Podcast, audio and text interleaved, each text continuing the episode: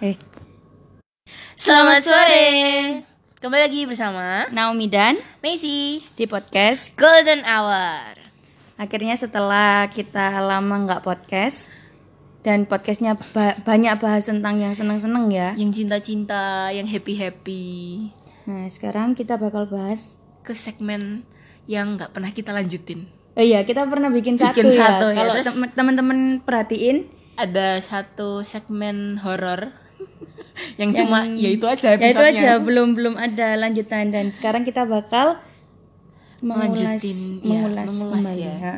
Kita akhirnya punya apa nih topik atau keberanian untuk ngelanjutin ya. Lanjutkan karena juga lagi heboh juga nih tentang ini ya Apa sih? Apa KKN itu ya? KKN Desa Penari, Penari, sampai bosen kan ya sampai yang awalnya cuman kayak apa sih itu apa sih itu terus ngikutin lama-lama kayak ah ini lagi Hmm. ini lagi. ini lagi. tapi tenang kita nggak akan mereview Desa Penari kok Iya, teman-teman bener. iya karena sudah terlalu banyak ya Iya. kita akan bahas desa ini apa Desa Kembang Kuning beda Oh, beda. jurusan Beda jurusan itu ya. pakai apa ya itu angkotnya nah karena lagi booming tentang yang horor-horor horor ya KKN Desa Penari itu Mm-mm. kalau teman-teman yang ngikutin pasti tahu kalau eh, salah satu dari mereka yaitu si Nur Mm-mm. itu kan punya apa nih? apa ya seseorang yang eh Sosok sosok sosok, sosok, jangan seseorang. Sosok yang mengikuti dia. Iya benar. Namanya Eh, mbah Mbah dok, Dok. Ah, benar. Nah itu, nah dari situ kita nih eh, kasih pertanyaan ke teman-teman yang udah ngefollow Spegele dan Aterak. Mm-mm. Promo terus ya tiap kali kita podcast selalu Harus, promo. harus. Mm-mm. Nah itu kita tanya ini ke teman-teman, eh, apakah teman-teman ini percaya kalau eh, setiap kita itu ada makhluk halus yang ngikutin, Mm-mm. atau roh gitu kan ya? iya benar Nah kalau dari misi sendiri, Kalau dari aku ada sebanyak 64% yang mengatakan kalau mereka itu percaya kalau kita itu diikutin atau punya sosok yang mengikuti kita. sedangkan kalau yang enggak, Dan yang enggaknya cuma 36%. Jadi mayoritas percaya kalau setiap kita pasti punya sosok yang mengikuti. gitu. Terus kalau dari Naomi sendiri nih, yang followernya Naomi ya itu Mm-mm. 52% menjawab eh, mereka percaya kalau ada yang ngikutin. Mm-mm. Tapi 48% jadi tipis. Ya beda tipis lah ya, beda- beda tipis. beda tipis. Tapi Sam- tetap mayoritasnya mayoritas masih percaya. Oke. Tapi sebelum terakhir ini kita rekaman ini, Mm-mm. itu eh, di jam berapa ya? Pokoknya siang-siang tadi. Itu tuh imbang loh posisinya antara Oh, percaya sama enggak. imbang. Eh, eh, imbang cukup lama dari pagi sampai ya tadi pagi tadi pagi sampai siang. Itu masih imbang. Gitu. Gitu, oke. Jadi ini baru yang percaya-percaya ini Ada- baru jawab-jawab tambahan Kak. sedikit ya. Sedikit. Jadi makanya tipis di sini. Tapi gitu. karena dari hasil vote-nya ini mayoritas juga menjawab percaya, maka kita bisa membahas cerita-cerita yang dimasukin teman-teman di story kedua kita. Nah, eh, karena kita juga udah tanya ke teman-teman Iya. mungkin eh, teman-teman nih ada yang punya pengalaman tentang diri sendiri atau mungkin dari Pengalaman, kerabat-kerabatnya eh, eh, dari gitu teman kan atau dari keluarga lain. tentang pengikut-pengikut ini Mm-mm, yang kita dan nggak ternyata tahu. Ada loh. Banyak lumayan lah ya. Lumayan cukup banyak. Dan ada beberapa yang ceritanya cukup panjang dan cukup bikin merinding. Kamu sendiri punya pengalaman nggak? enggak sih. Kalau tentang yang ngikutin-ngikutin gini enggak. Hmm, cuman gitu. kayak paling cuman ngerasa gitu aja tapi nggak sampai kayak mengalami sesuatu yang eh, berasal dari sosok yang mengikuti Berarti kamu cukup sensitif juga ya dengan dengan makhluk-makhluk. Maksudnya bisa Maksudnya ngerasain untuk gitu. ngerasain dibilang sensitif juga menurut aku enggak cuman kadang-kadang kan kita bisa kayak kok merinding ya kayak gitu-gitu aja Oh gitu. Kalau aku sendiri, aku tuh antara diambang percaya dan nggak percaya karena eh apa ya? Kalau aku sendiri nggak nggak sensitif, maksudnya benar-benar nggak bisa ngerasain apa-apa gitu. Mm. Mungkin aku lebih cenderung ke Parno, soalnya kan penakut banget, iya iya jujur. sama sama sama aku juga pernah Eh, eh, penakut banget. Cuman dari pengalaman beberapa kerabat yang katanya itu punya kelebihan Heeh. yaitu untuk melihat ya makhluk-makhluk seperti itu ada banyak versi sih gitu jadi Oke. eh, yang pertama itu eh, katanya yang ngikutin aku tuh anak kecil Hmm, Anak kecil. Jadi ada orang lain yang bisa ngelihat Iya, yang siapa lihat sosok yang ngikutin ya, kamu. Oh, kayak gitu. Kalau aku sih nggak sampai ada yang bilang. Oh, Jadi belum ya? Aman. Nyaman. Kalau aku tuh ada, yaitu ada anak kecil, terus ada yang bilang malah dua, Oke. cewek cowok. Nggak tahu nggak nyebutin umurnya, tapi katanya cewek cowok. Terus eh, ada juga yang bilang kalau yang ngikutin aku kakek-kakek berbelangkon juga ada banyak hal. Tapi mostly kalau aku tanya detail atau gimana ya itu mereka banyak yang nggak bisa jelasin. Maksudnya kayak cenderung untuk kayak seperti takut gitu loh. Entah kenapa. Oh, jadi nggak ada penjelasan detailnya. yes Gambarannya seperti apa? Ya. Atau gimana lah deskripsinya nggak ada lah. nah kayak gitu. Tapi mau dibilang nggak percaya itu banyak juga yang bilang. Gitu Jadi tapi kepengaruh dengan kata-kata orang akhirnya ya cukup ya mau nggak mau ya. jadi percaya gitu ya. Heeh, tapi kalau secara aku punya pengalaman pribadi enggak sih. Gitu. Sama kalau kalau pengalaman sih nggak ada, cuman aku dulu sempet ini diceritain siapa ya kenalannya mama atau siapa eh dia bilang kalau setiap kita memang ada yang ngikutin ada sosok yang mengikuti. Dan sosok yang mengikuti itu em, apa ya dalam tanda kutip kepribadiannya Mm-mm. itu mirip sama kita.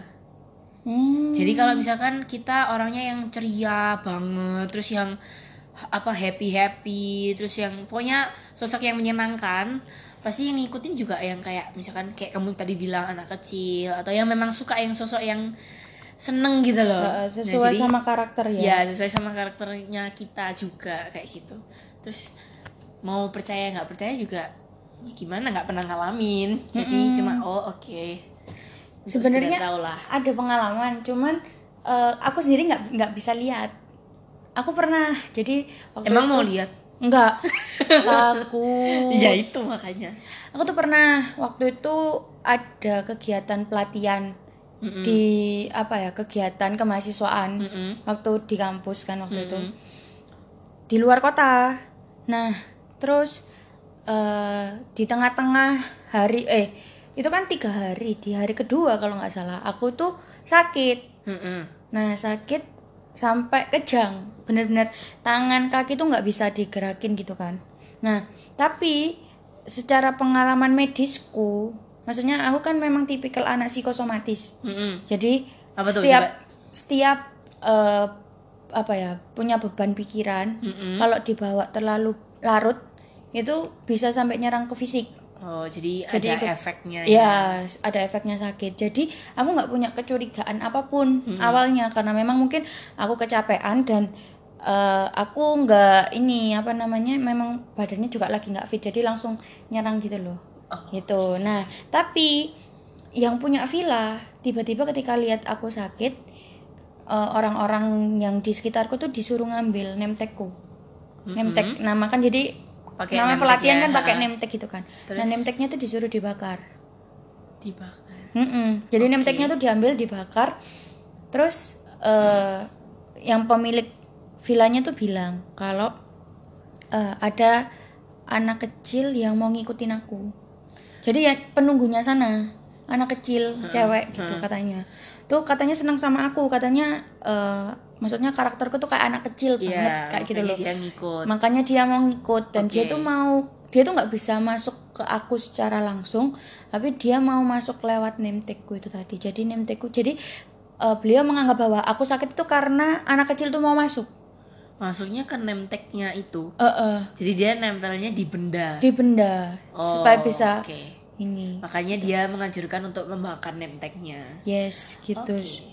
supaya dia kembali gitu tapi itu kayak iya aku juga kayak aku nggak bisa Cukup ngelihat langsung bingung juga ya karena Ya. kita posisinya nggak sensitif untuk hal-hal seperti itu dan kedua juga memang kita nggak lihat. Nggak lihat bentuknya secara langsung. Dan pengalaman yang sebelum-sebelumnya juga nggak ada yang kayak gitu. Jadi anggapannya referensinya nggak ada. Ya benar.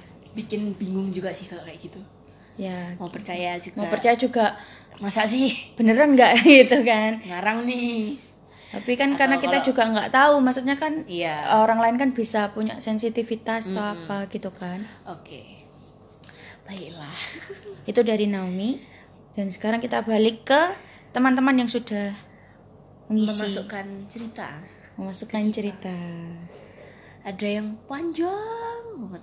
Kalian mau dibacain dari yang pendek-pendek dulu atau yang langsung panjang? Yang pendek dulu aja gimana? Pendek dulu aja. Yang- dari siapa nih? Dari aku atau dari kamu dulu? pendek.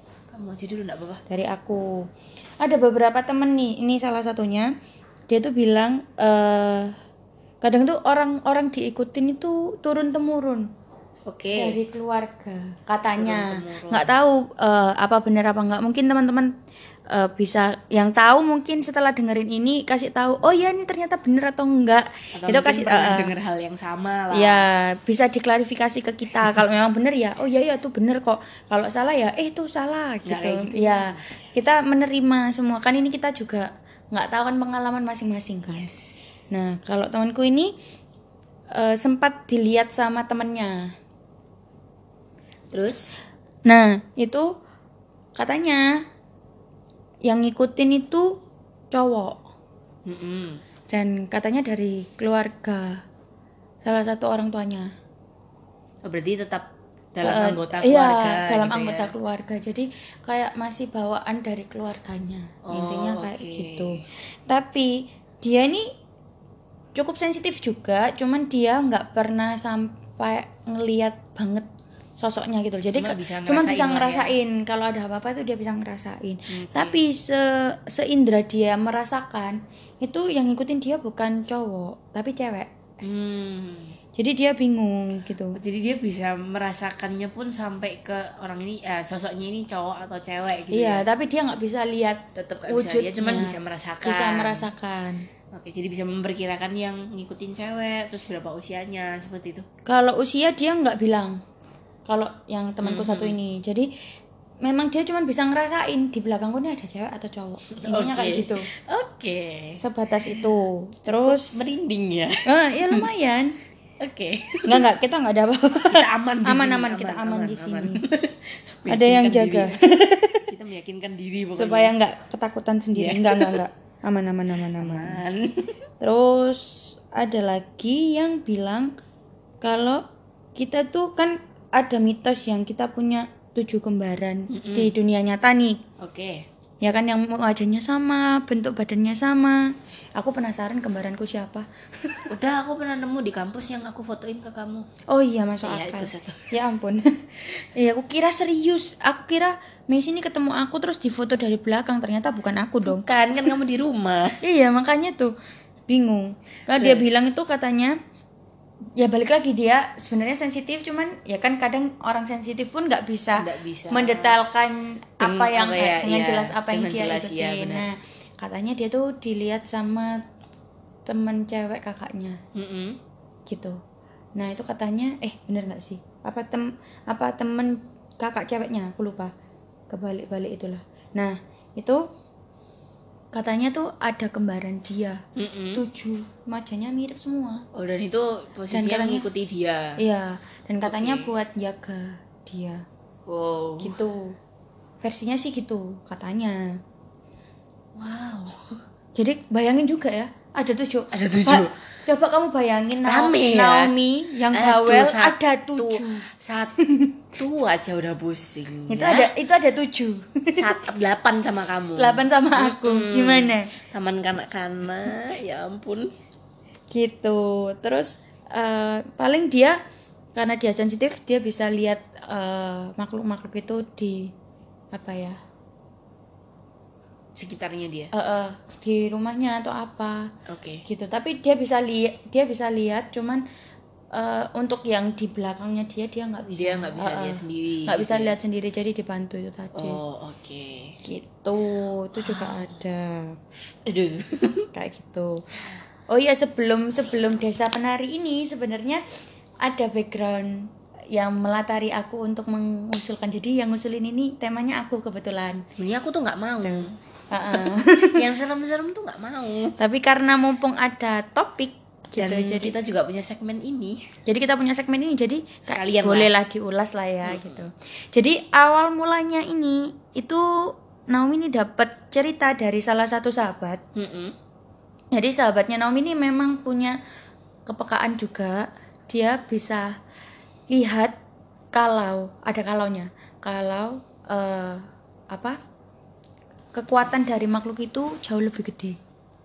Oh ya gitu. Teorinya sih emang memang seperti, seperti itu kan. itu ya jadi dia bisa lihat pas kalau lagi makhluknya besar. Nah Oke. tapi yang dia ceritakan ke Naomi itu ketika benar-benar pengikutnya dia Mm-mm. kalau nggak salah. Soalnya ada dua kasus berbeda gitu dua kasus berbeda maksudnya gimana nih? yang Coba. akhirnya menyimpulkan bahwa itu adalah pengikutnya dia. Jadi awalnya dia nggak ngerti kalau dia tuh ada yang ngikutin. Mm-mm. tapi karena dua ke- salah satunya dua kejadian ini Mm-mm. dia akhirnya kayak menyimpulkan bahwa oh ternyata aku ada yang ngikutin. Intinya kayak oh, gitu. jadi setelah mengalami sesuatu baru dia bisa menyimpulkan kalau ya itu yang itu ngikutin. ya benar. Dan ini eh, waktunya nih baru baru baru aja intinya kayak gitu. Nah waktu itu dia tuh lagi pergi sama pacarnya Mm-mm. ke salah satu wilayah di selatannya Surabaya selatan selatan sekali Surabaya. ya Iya, pokoknya di daerah-daerah sana Iya, terus? terus eh, dia ini mau pulang ceritanya Mm-mm. mampirlah ke Ini- Ini minimarket apa nih? Siang, malam, pagi, sore? kalau nggak salah agak malam Oke, Nah, terus? sekitar maghrib atau jam 7 ya Mm-mm. sekitaran segitu segituan ya kalau nggak salah kalau nggak salah Mm-mm. nanti dikoreksi kalau aku salah ya mungkin anaknya dengerin kan Hmm. nanti takutnya salah nah terus dia tuh bilang ke pacarnya aku mau ini mau ke toilet Mm-mm. mampir dulu ke minimarket Oke. oke di akhirnya ke ini ke minimarketnya tuh terus dia apa tanya ke mbaknya mbak toiletnya mana gitu Oke. itu tuh tuh mbak di situ nah normalnya biasanya entah ya kalau sepengetahuan aku juga dan sepengetahuan dia jadi kita udah punya satu konsep bahwa biasanya kalau toilet di minimarket itu pintunya besi. Pintunya besi. kayak apa ya? Pintu-pintunya produksi biasanya tuh loh. Aku bingung menjelaskannya seperti apa intinya kayak gitu. Eh, tapi yang di sini dia seperti pintu rumah rumah lawas gitu pintu rumah, pintu utama. pintu utama ya Oke. gitu dan warna Apa nih berarti pintu kayu nih? pintu ya pintu kayu gitu Oke. tapi udah agak pudar-pudar gitu Oke, terus? tuh akhirnya dia buka nah di kamar mandinya tuh eh waktu masuk itu areanya tuh kayak lorong gitu Memanjang. memanjang ya. ke dalam sana tapi kamar mandinya tuh deket sama pintu kebetulan Oke. tapi lorongnya tuh gelap Mm-mm. akhirnya dia masuk tiba-tiba dia tuh dengar suara perempuan nangis Di dalam di toilet. dalam nih. toilet itu kayak "Hmm," gitu Oh, oke. Oke, nah terus dia takut kan otomatis. Ya walaupun dia sensitif tapi kan ya ada Tetep tetap lah, ada rasa iya. takut kan ya. Akhirnya dia doa, dia doa keyakinannya setelah dia cepat beres-beres entah dia udah panik kan kacau jadi mau bersih-bersih pun juga kayak wah sudah cepet-cepetan kan bayangin gitu kan terus eh, ketika pintunya dibuka dia tetap dengar suara itu terus jadi dia pegang pintu kamar mandi langsung dia ngambil pintu jadi pintu kamar mandinya itu buat nutup lorongnya itu Mm-mm. terus dia langsung pegang pintu yang kayu yang di depannya itu yang awal tadi Heeh. dibuka langsung dia keluar Oh, jadi posisi lorongnya itu ada di sebelah.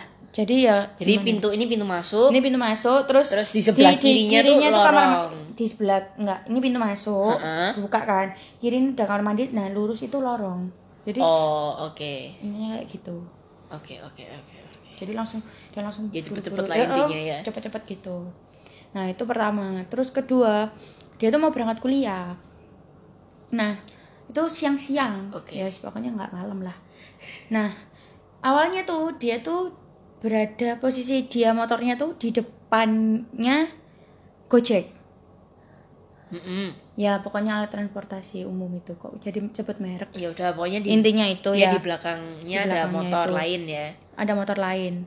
Nah, dia tuh kesel karena ini tuh nggak nyalip nyalip. Akhirnya Oke. dia maju agak jauh kita cari jarak kan. lah tapi dia tuh merasa ada yang ada yang kasih siulan kak di Hmm, gitu. Tapi posisinya dia sama Posis- motor di belakang itu udah cukup Nah, jauh lah ya. awalnya kan dia ngira enggak awalnya dia ngira waduh lah sih dia tuh udah maki-maki gitu ngapain sih ini motor goda-godain? belakang ini kok goda-godain gitu kan ketika dia lihat di kaca Spion, spion, ternyata- ternyata, jaraknya dia tuh udah sangat jauh Oh, Oke. dengan motor Jadi, yang tadi dan di samping-sampingnya dia tuh kayak lengang gitu Nggak loh ada nggak ada orang yang lah. ya maksudnya nggak nggak sedempet-dempet banget Heeh. gitu jadi udah ja- jarak cukup jauh gitu nah tiba-tiba setelah dia tahu nggak ada orang di belakangnya tiba-tiba dia tuh dengar suara itu lagi suara suka- yang menangis di toilet Iya. itu tadi ya. Heeh. Enggak usah diperagain. Gitu. Heeh, serem loh itu. Aku nggak mau dengerin sih nanti. nggak apa-apa kan ada aku nggak nggak nggak serem kan kamu pulang. Saya di sini sendiri. iya bener juga Serem loh. terus udah akhirnya dia sadar kalau ternyata ada yang ngikuti dia Ya, akhirnya karena menyimpulkan bahwa eh, eh, dua kejadian tadi dengan suara yang sama. dengan suara yang sama. terus akhirnya dia menyimpulkan bahwa ada yang ngikutin aku di belakang Oke. intinya kayak gitu. Soalnya dia juga mengcompare gitu loh suaranya yang di awalnya dia mengira bahwa yang di eh, minimarket itu tadi itu adalah makhluk yang ada di minimarket itu Oke. tapi Tapi ternyata ada kejadian Di motor lagi itu, di motor itu tadi suaranya sama. suaranya sama jadi kayak dia menyimpulkan bahwa Oh ya berarti Oh, memang ada ada, lah aku di sosok belakang, yang kayak mengikuti. gitu. Oke. Hmm ya cukup seram serem sih bukan cukup lagi. Terus ini aku lagi nih masih nih Masih ada nggak? ada dong Ya udah lanjutin. ada lagi temanku yang eh, dia tuh memang dari kecil nggak tahu gimana ceritanya. Intinya dia tuh bisa melihat makhluk yang ada di rumahnya. Oke. aku lupa apa posisinya. Dia rumahnya apa? Eh, ininya. Entah di pohon atau di apa gitu aku lupa tadi dia nyebutin apa. Nah tapi awalnya tapi dia tuh kayak kan kadang ada yang diikutin terus dia jadi temen. Ada yang kayak enggak wes aku kasih batas sama kamu Ada jarak pokoknya. ada jarak ya. intinya kayak gitu nah dia memutuskan untuk ambil jarak tapi ternyata dengan kemampuannya dia yang bisa lihat itu tadi Mm-mm. itu ya nggak tahu mungkin dia ada yang ngikutin atau enggak tapi dia tuh jadi punya kemampuan untuk eh ya itu ngelihat ngelihat hal-hal makhluk-makhluk kayak gitu dan sampai tiap kali eh, teman-temannya selama sekolah sampai terakhir itu di SMA ya SMK dia itu ada yang kesurupan dia tuh yang disuruh ngusir Karena dia bisa melihat. karena dia bisa melihat itu tadi Oke.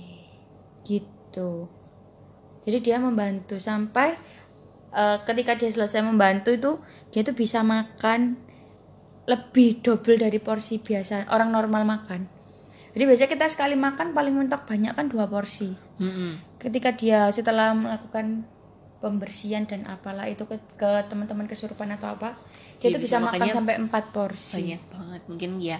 Karena energinya juga energinya juga kepake sangat kan. keserap gitu kan. Jadi terserap. Jadi kan maklum agak suka bahasa Campur-campur. iya bahasa ibu. Jadi itu terserap gitu loh. Jadi ya makannya langsung banyak. Oke. gitu. Baiklah.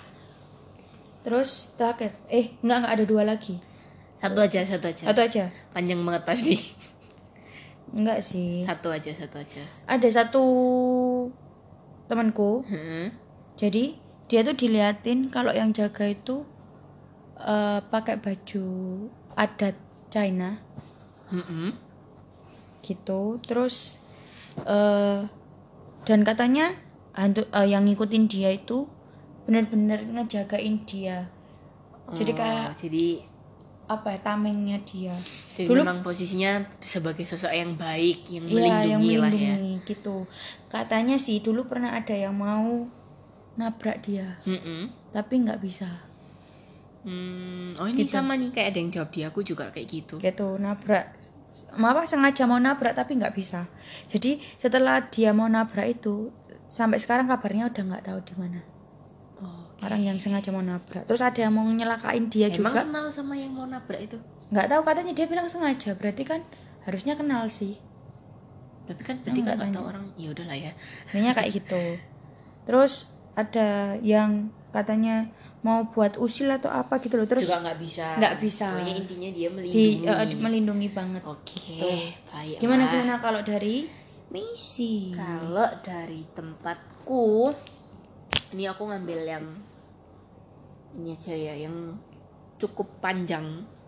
Ada dua dan yang satu ini pendek gitu. Jadi aku ada tiga. Ada tiga. tiga aja. Punya aku banyak ya berarti, tapi Iya. mereka pendek-pendek. ini tiga aja. Jadi yang pendek dulu ya. Yang pendek ini dari temenku. Jadi waktu kan di kampus kita ada kegiatan ini kan studi ekskursi ke luar kota itu kan. Ya. nah kita itu ikut ke aku dan teman-temanku ini ikut semua. Nah, terus kita menginap di hotel yang eh, memang dari dulu udah ke- kerja sama sama fakultas kita. Dan hotelnya itu bisa dibilang cukup tua. Hmm. kita satu kamar ada berenam. Dan kamarnya yang kita tempati itu ada tiga. Dua kamar yang kecil bisa dipakai untuk dua orang ya masing-masing kamar dan satu kamar utama yang memang gede banget. Jadi di kamar utama ini ada kamar mandinya sama ada eh, ruangan untuk taruh baju taruh koper gitu. Jadi kayak ruangannya tuh bentuknya segitiga. Bentuknya segitiga. nyisa kan ujungnya. Nah Ya, itu ha. dibuat sebagai eh, lemari lah anggapannya. Aha. jadi ada pintunya sendiri gitu. Eh, cerita dari teman-teman yang ikut studi ekskursi dan kita itu sama. Intinya kita merinding masuk di kamar Hmm. nah tapi yang eh, temanku ceritain ini adalah pengalamannya dia karena bisa dibilang kecerobohan Hmm. jadi dia ini suka ngomong kasar ngomong apa sih kotor ya misuh-misuh kotor. gitu loh Ya. Suka memaki. suka memaki bener nah terus waktu di kamar itu kita ya karena bercanda sama temen ngobrol sama temen kan memang udah yang biasa banget gitu kan maki ya udah gitu kan Ya. ya ini memaki di dalam kamar dan temenku yang di dalam kamar ini kebetulan ada yang bisa lihat Ya. dia bilang eh, nggak bilang langsung sih tapi beberapa hari atau besokannya dia baru cerita ke aku karena aku paksa juga Hmm. untuk ya kan sekamar nih aku sama dia tidurnya Ya. kalau nggak nyaman dianya kan aku juga jadi takut ya Ya. jadi aku minta dia cerita dan dia bilang ada sosok yang ngikutin temen aku yang maki-maki itu Ada yang ngikutin. ada yang ngikutin. Nah dia taunya dari mana? Dia taunya dari mimpi. Oh, jadi di, di, didatengin, datengin di, mimpi. dan dia bilang kalau em, temen aku ini enggak apa ya enggak minta maaf karena dia memaki. Sosok ini akan menyelakai temenku. Mm-mm. jadi dia bakal ganggu bakal nyelakain. Apalagi temenku nih sebenarnya penakut gitu loh. Ah, ah. Akhirnya kita memutuskan untuk nggak usah bilang deh gitu jangan deh gitu. Akhirnya kita udah pulang dari luar kota kembali ke kota asal. Eh apa ya cukup ada jaraknya beberapa hari. Temen aku yang bisa lihat ini baru bilang kalau sosok itu ngikut ngikut pulang. Hmm. Serem juga. ngikut pulang. Dan temen aku yang bisa lihat ini memang beberapa hari tuh sempet kayak pucet gitu loh. Ngelihat temen yang Karena suka maki-maki itu. Enggak, enggak, temen aku yang bisa lihat tuh pucet Heeh. posisinya. Jadi dia eh, karena diikuti energinya kan kemakan. Ya. Dia tuh sampai pucet gitu, sampai kelihatan kayak sakit. Heeh. Dan kita memang sadar dan kita kayak kamu kok pucet sih? Kenapa gitu sakit atau gimana? Terus enggak enggak dia nggak mau cerita sampai bener-bener di titik akhirnya kita minta dia harus cerita dan dia bilang sosoknya itu mengikuti dia karena dia menuntut permintaan maaf. Hmm. Nah, akhirnya sudah dia eh, bilang ke temanku yang maki-maki tadi itu Hmm. untuk minta maaf. Nah, karena gimana ya kita yang nggak apa nggak kebayang kalau bakal diikutin dan sebagainya, terus dibilangin kayak gitu kan takut ya. Mm-mm. Akhirnya dia minta maaf cuman dianggapnya sama sosok ini nggak serius atau bercanda, Cuman bercanda. gitu loh. Heeh. Terus eh, aku lupa gimana dia juga nggak jelasin ini. Pokoknya intinya akhirnya si sosok ini eh, hilang lah. Dia sempat minta dianterin pulang. Waduh, Dia jadi balik minta- ke kota itu lagi. iya dia sempat minta dianterin pulang tapi ya masa kita naik pesawat terus dia ikut gitu ya, terus kita pulang kan nggak mungkin ya? Iya. ya akhirnya nggak tahu gimana sama temen aku ini eh, dalam tanda kutip diurus lah. Hmm, tuh keren keren keren. Siem Ini- sih kamar soalnya ya Menandakan bahwa kita harus berhati-hati di tempat orang. Iya, Seperti benar. pesan moral dari desa KKN Penari. jaga ucapan Jaga ucapan, perilaku. jaga perilaku. karena kita nggak tahu apa yang udah pernah terjadi di sana gitu kan Benar benar benar. terus ini ada cerita Cukup kasihan juga ya temen yang bisa lihat itu ya. iya emang Untung aku nggak ikut. aduh apalagi aku sekamar sama dia aduh iya kebetulan waktu itu aku nggak bisa karena ada event apa gitu. nggak apa-apa aman Aman. Jadi nggak ngerti ceritanya. Nggak ada baru tahu sekarang kan iya, jadi tahu nih. Nah, terus nih ada cerita kedua ini dari teman SMA aku. Cowok ya dia nih. Jadi dia bilang dia ini eh, punya sosok yang ngikutin dan ini dari kecil. Dia yang sosoknya ini dia menggambarkannya cewek dan dia sebagai teman sekaligus asisten. Tapi untuk lebih jelasnya dia nggak bisa ini ya Deskripsikan. mendeskripsikannya ya Nah. dia bilang dia tuh eh, bingung ini antara roh atau dari eh, anxiety-nya dia. Ya, kadang kan Jadi ada orang, Orang yang, yang, halusinasi Ya, kayak gitu-gitu kan. ha-ha, benar, nah, dia itu bingung eh, antara roh atau dari imajinasinya dia. Terus aku tanya nih, kamu berarti bisa lihat dia atau enggak? Dia bilang bisa. Terus eh, dia bilang sosoknya ini membantu dia kalau masalahnya itu cukup berat dan sosoknya ini menganggap kalau masalahnya cukup berat dan nggak bisa mengatasi sendiri dia bakal bantu tapi kalau masalahnya sepele dia nggak bakal ikut campur Hmm. jadi kalau aku, aku kan tanya nih eh, maksudnya masalah apa yang untuk lebih jelasnya kalau misalkan zaman SMA zaman SMP kan bully-bulian Iya. kayak gitu kan manggil-manggil nama orang tua lah kayak apa kayak gitu kan musim banget ya. musiman banget gitu Ya. ya itu dia bilang sosoknya tidak akan membantu Hmm. karena itu masalah yang sepele dan bisa diselesaikan sendiri Hmm. tapi kalau sampai mengganggunya main fisik sosok ini akan ikut campur. Dalam arti dia akan membalas si pelaku. Dan itu eh, empat kali dia bilangnya empat kali lebih menyakitkan dibanding yang diterima sama temanku ini. Jadi, jadi ikut campurnya tuh hmm, bener-bener sampai ke fisik gitu loh. Karena memang nggak mau mel- mungkin hubungannya seperti majikan dan pelayan untuk istilahnya aku nggak tahu ya. gimana tapi misal dia bilangnya kan memang tadi asisten gitu kan seseorang yang mau- membantu dia Wow. nah terus dari pertanyaan yang ini yang aku sempat tanya ke kamu untuk wawancara itu Ya. dia eh, kan eh, tanyanya kan kamu taunya dari umur berapa dan taunya gimana dia bilangnya dia lihatnya dari kecil itu masih samar-samar tapi dia bisa komunikasi sama sosok ini sejak kelas 3 SMP jadi bisa komunikasi juga nggak sekedar lihat Jadi waktu kecil tuh dia udah tahu kalau dia tuh ada yang memang ngikutin. ada cuman Tapi belum baru- jelas Ya, baru bisa dikomunikasikan waktu 3 udah cukup SMP. gede lah Hmm. terus eh, deskripsinya wujudnya gimana gitu kan Eh, dia bisa mendeskripsikan tapi tidak detail ya dia mendeskripsikannya cewek sekitar umurnya 30-an rambutnya abu-abu pakai kerudung hitam. Mata kanannya merah kirinya normal. Kalau senyum kayak sobek.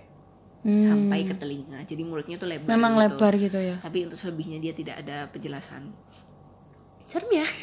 Aku baru baca loh ini. Terus itu aku udah baca loh, kamu ngirim Oh iya, screenshot aku belum itu. baca malah. Terus eh, pertanyaan ketiga kenapa kok nggak merasa takut sama sosok ini?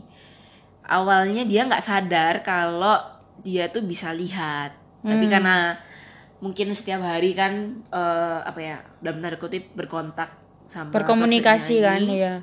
ya bisa biasa aja kayak orang normal ya sama kayak lihat orang lah pokoknya. Gitu. Udah. Itu yang kedua ya? itu yang kedua. Dia pokoknya ada sosok dan dia bisa berkomunikasi gitu. Wow Iya, kayaknya memang kalau orang awal itu tadi yang terakhir ya, ini nyambung yang terakhir punya aku itu. Jadi dia tuh menceritakan kakaknya, kakak perempuannya. Jadi eh, di dalam riwayat keluarganya ini nggak ada kebetulan. Jadi aku sempat tanya ortumu ada yang bisa Lihat atau lihat atau enggak? enggak? Itu dia bilang enggak, enggak ada orang tua aku nggak ada yang bisa lihat. Cuman kakakku itu waktu itu eh, entah gimana di kantor atau di mana ya aku lupa dia kasih tahu. Ini tiba-tiba tuh dia bisa lihat dan dia cukup shock kan. Awalnya shock, tapi lama kelamaan ya jadi biasa. Tapi dia nggak mau tipikal yang nggak mau bersinggungan gitu loh. Hmm, Jadi dia langsung kayak mengkat dan akhirnya sampai jadi dia du- dulu tuh katanya sih kakak perempuannya ini kayak magnet.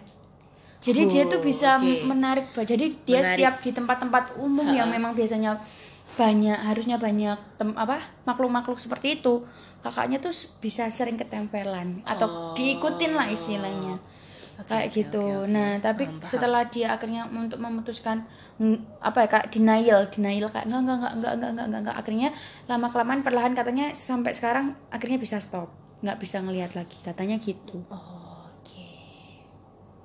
Bisa gitu ya, tapi denial terus sampai aku nggak tahu maksudnya proses denialnya seperti apa ataukah mungkin ada prosesi dan lain sebagainya aku juga nggak tahu Hmm. yang pasti katanya sekarang perlahan ya, akhirnya stop nggak bisa lihat lagi lah intinya. Heeh, gitu ternyata ketampung semua cerita ini karena relate karena relate Karena m- memang satu sama lain pasti mengalami hal yang serupa lah. Benar-benar Oke. cerita yang terakhir Akhirnya kompak ya. iya tumben Ah, Gini aja kompak. Nih cerita terakhir ini dari temenku yang bisa lihat. oh yang tadi Yes, dia ini memang bisa lihat. Aku lupa dia bisa lihatnya kenapa. Pokoknya dia bisa lihat lah. Jadi ini dia mau menceritakan pengalaman ketika ketempelan atau mungkin diikuti gitu ya. ya Ini awalnya waktu dia masih nunggu untuk wisuda di posisinya di Surabaya. Dia jadi rumahnya dia tuh di Sidoarjo. Nah, dulu masih zaman ada yang apa? foto yang Postingan, viral gitu uh-uh. loh yang orang-orang apa bila ada yang bisa lihat, ada yang nggak bisa lihat. Tapi ini Yang bukan foto foto, di bus itu ya? bukan foto di bus yang viral itu. oh bukan Tapi ada dari temennya dia itu yang mengirimkan foto yang serupa, maksudnya bukan bukan serupa di bus juga ya, tapi serupa eh, ada yang bisa lihat, ada yang nggak nggak bisa lihat. Itu dia ngirimin ke teman aku ini. Dan itu eh, maksudnya untuk menanyakan ada nggak sih sosok di dalam foto ini.